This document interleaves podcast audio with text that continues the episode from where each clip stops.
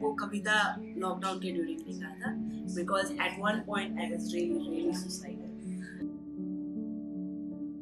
एक समय था जस्ट लॉकडाउन से पहले था। लॉकडाउन में भी मैं तीन तीन चार चार दिन बिल्कुल नहीं सोती ये चीज़ तुझे भी पता है।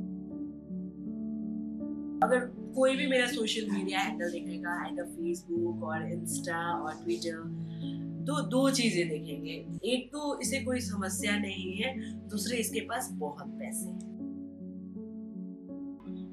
Whenever मुझे एंजाइटी अटैक आ रहा है या मैं एकदम ग्लूमी फील कर रही हूँ तो मैं उसमें लिखती थी। और लिखने के बाद मैं उस पेपर को फाड़ के जला देती थी।